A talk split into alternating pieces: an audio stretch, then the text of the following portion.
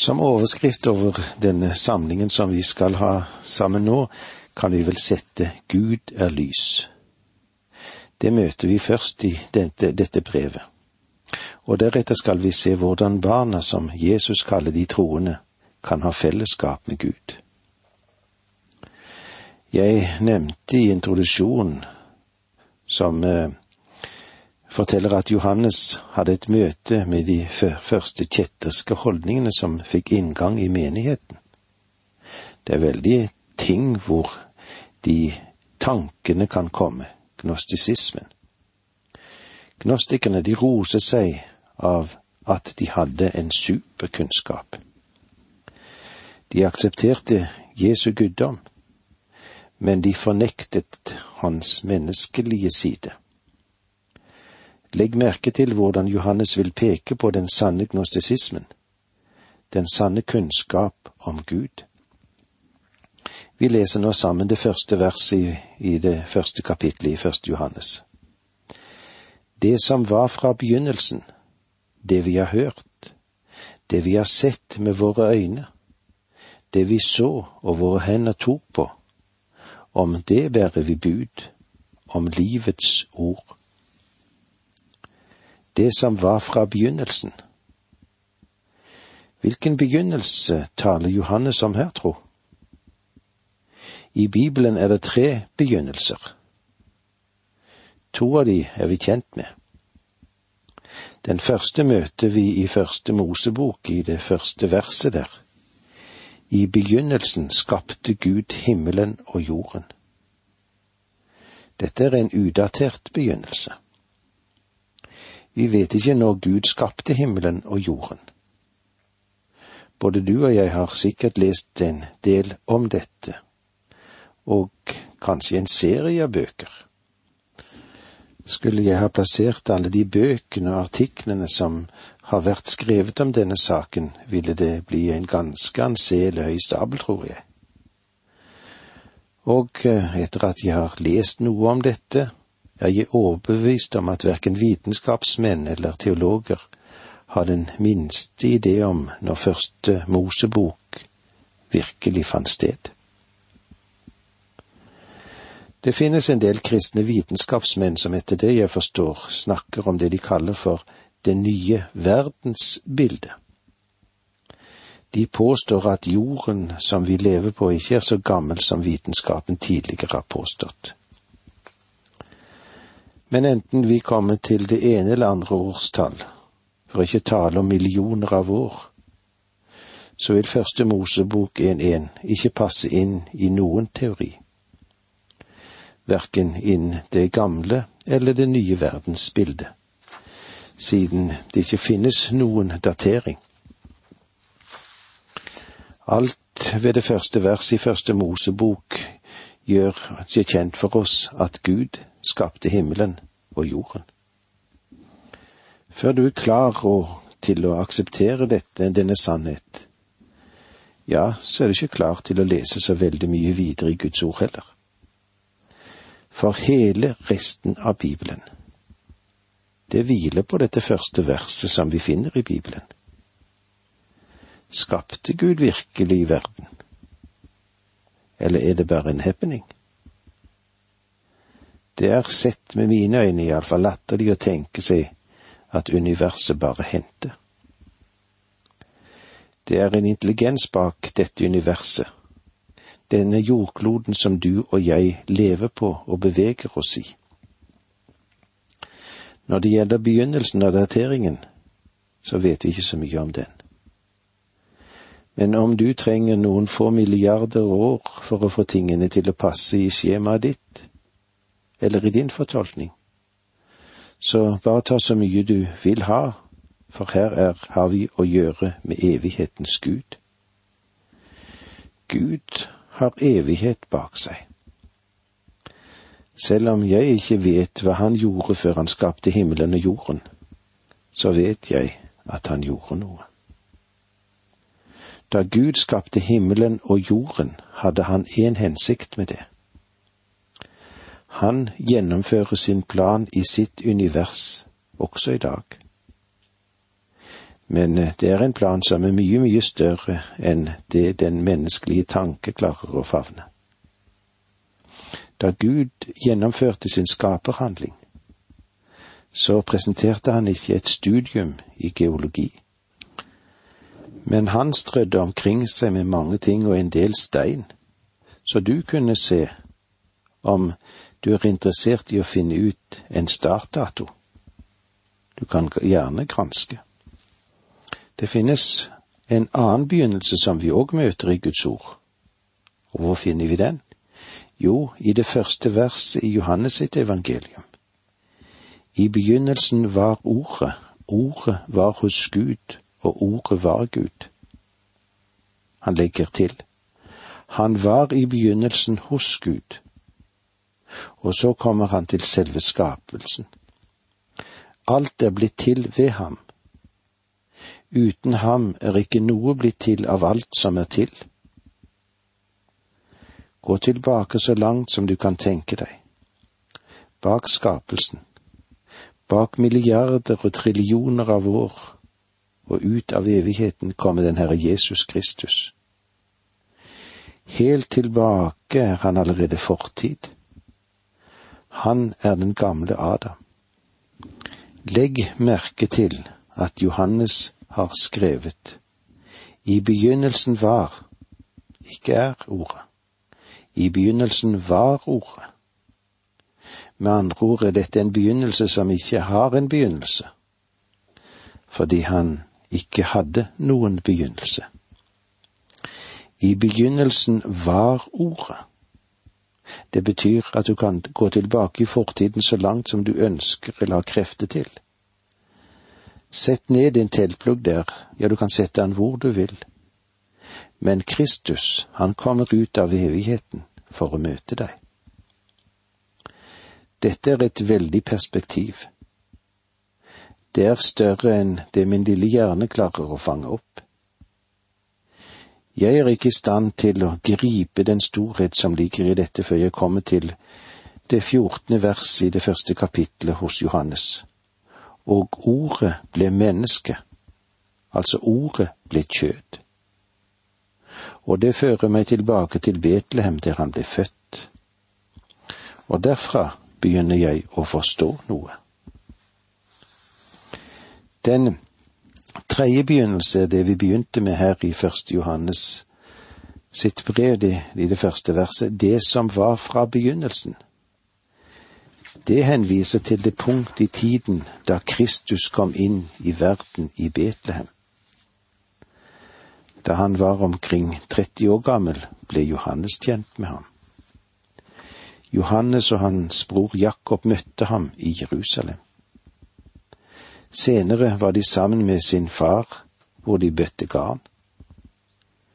Da Jesus kom forbi, kalte han på dem og ba dem å følge ham. De forlot ham, de forlot faren sin, antagelig en ganske velstående fisker. Han satt der med hjelperne sine, men de fulgte Jesus. Og nå sier Johannes, jeg vil fortelle dere om ham, og han presenterer hele bredden i Jesu personlighet. Det er fire ting som vi skal se på her.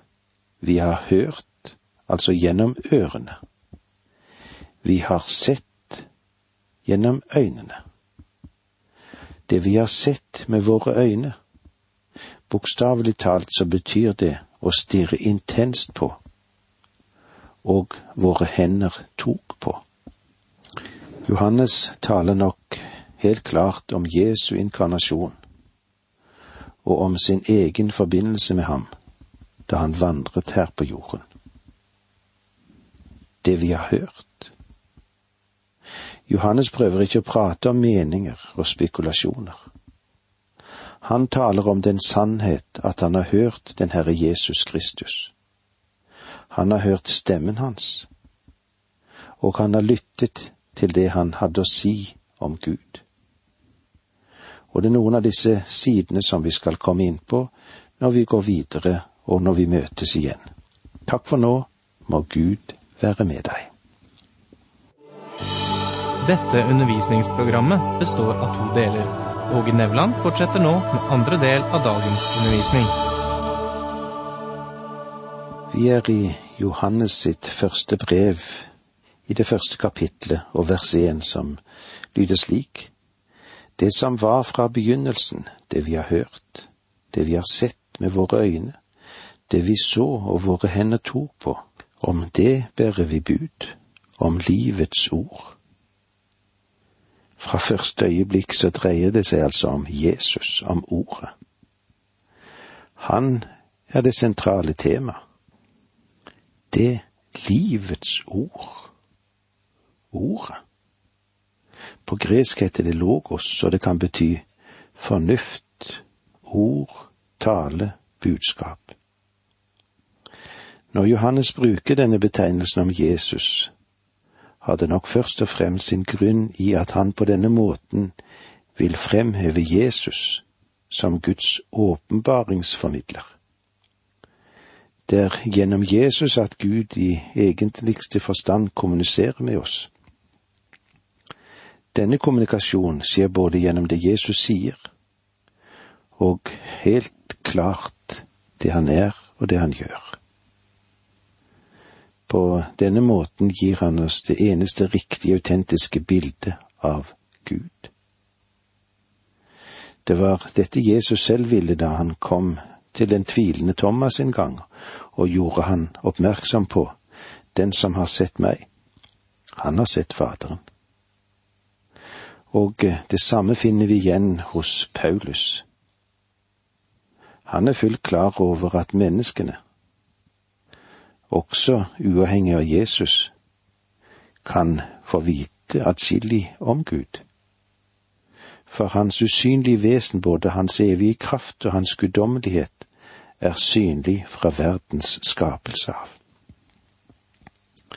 Men at denne mektige, skapende Gud har en så nådefull frelsesplan, og at det finnes et så enestående frelsesmiddel, det vet ikke noe menneske av seg sjøl. Ingen vet om det. Det kjenner vi først gjennom Guds evangelium, om Hans Sønn. For i det åpenbares Guds rettferdighet av tro til tro, som det står i romerbrevet. Han er et bilde av Guds vesen. Det vi har hørt, det vi har sett med våre øyne. Apostelen har ikke bare hørt han tale. Men apostelen hadde også sett ham med sine egne øyne. I dag er det slik at vi kan ikke se ham med våre fysiske øyne, men vi kan se ham med troens blikk. Peter sa til oss, som det står i første Peter 1,8, Ham elsker dere, enda dere ikke har sett ham. Ham tror dere på, enda dere ikke har, enda dere ikke ser ham. Og dere jubler og er fylt av en glede så herlig at den ikke kan rommes i ord. Og Jesus sa til Thomas, som ikke ville tro at han hadde oppstått fra de døde før han hadde sett ham. Jesus sier til ham, fordi du har sett meg, tror du. Salige de som ikke ser og likevel tror. I dag vandrer vi med tro. Og Jesus Kristus kan være like virkelig for oss som han var det for Thomas og for de andre. Det vi har sett, ordet sett kommer fra det greske ordet teomai, og fra det får vi det norske ordet teater, som betyr å se intenst på. Teater er et sted der du sitter og ser, ikke bare med et flyktig blikk, men med stor oppmerksomhet, og en oppmerksomhet i beskuelse på de som er på scenen i et par timer. Johannes forteller oss at i tre år så de intenst på ham. Det var Johannes som skrev og like som Moses løftet slangen opp i ørkenen. Slik skal også menneskesønnen løftes opp, som det står i Johannes 3,14. Under ørkenvandringen var det slik at når folk ble bitt av en slange, så skulle de se på den kobberslangen som var blitt løftet opp på en stake for å bli helbredet. Johannes anvender det til det Jesus er, og sier at vi skal se på ham i tro for å finne frelse. Og når vi har gjort det, så skal vi beskue ham og det skal vi gjøre i dette brevet. Vi skal se en frelser og beskue, herliggjør. Johannes skrev i evangeliet, og ordet ble menneske og tok bolig iblant oss, og vi så hans herlighet, den herlighet som den enbårne sønn har fra sin far, full av nåde og sannhet. Mange av oss trenger å gjøre mer enn bare det å se hen til ham for å finne frelsen. Vi trenger å bruke tid på å beskue ham med troens blikk. Og våre hender tok på. Johannes sier at de gjorde mer enn bare å beskue ham på avstand, se han der på avstand. De tok på ham. Johannes selv, han lente seg mot hans bryst på den øvre sal. Og eh, da Jesus snakket med sine egne etter oppstandelsen, så sa han, Se på mine hender og mine føtter. Det er meg. Ta på meg og se. En ånd har ikke kjøtt og ben som dere ser at jeg har. Dermed viste han dem sine hender og føtter. Mange bibelfortolkere vurderer det slik at den Herre Jesus holdt frem sine hender til Thomas og de andre disiplene, så, og så ble de overveldet at han ikke rørte ved ham. I stedet bøyde de seg ned i ærefrykt for ham, og det ville kanskje ha vært det normale. Men jeg tror at her sier Johannes at de rørte ved Herren, de tok på ham. Jeg tror at det betyr at de følte på hans hender og stakk sine fingrer inn i naglegapene, noe som overbeviste dem om at det var han som var der. Ordet som ble kjød, Gud som sto frem i menneskeskikkelse. Etter Paulus sin død omkring 67 år etter Kristus vokste det frem et kjetteri som blir kalt for gnostisisme. Gnostisisme er det motsatte av agnostisme. Agnostisme påstår at gudsvirkeligheten er ukjent, og kan antagelig heller ikke kjennes. Det finnes mange agnostikere selv i de teologiske institusjonene. Charles Spurgeon pleide å si at agnostikk er bare det greske ordet for det latinske ignoranus, den som overser eller stiller seg likegyldig til. Agnostikeren sier jeg vet ikke. Gnostikeren sier jeg vet. Gnostikerne var en gruppe som grodde frem i menighetene og påsto at de hadde en overjordisk kunnskap som enkle kristne ikke hadde. De anså seg selv for særlig åndelige, og de trodde at de visste mer enn andre visste. Gnostikerne kom frem med en hel del nye ideer, som jeg forsøkte å si litt om i introduksjonen av dette brevet. En av dere, deres kjetterske lære var at Jesus bare var et menneske da han ble født. Han var bare som et hvilket som helst annet menneske, og eh, lik menneskene helt ifra fødselen av. Men ved dåpen kom Kristus over ham, og da han hang på korset, forlot Kristus han. Johannes avviser denne lære med kraftig ordlag når han skrev sitt evangelium. Ordet ble kjøtt, altså ordet ble menneske. Og her i denne første delen av brevet understreker han kraftig at etter at Jesus vendte tilbake fra de døde, var han fremdeles et menneskelig vesen. Johannes sier, våre hender tok på ham. Han var fremdeles kjøtt og ben. Du forstår at Johannes taler ikke om en teori. Han taler om en som har hørt, sett og berørt. I det andre verset her i kapittel én leser vi slik. Og livet ble åpenbaret. Vi har sett det og vitner om det, og forkynner dere det evige liv, som var hos Faderen og ble åpenbaret for oss. Livet ble åpenbart.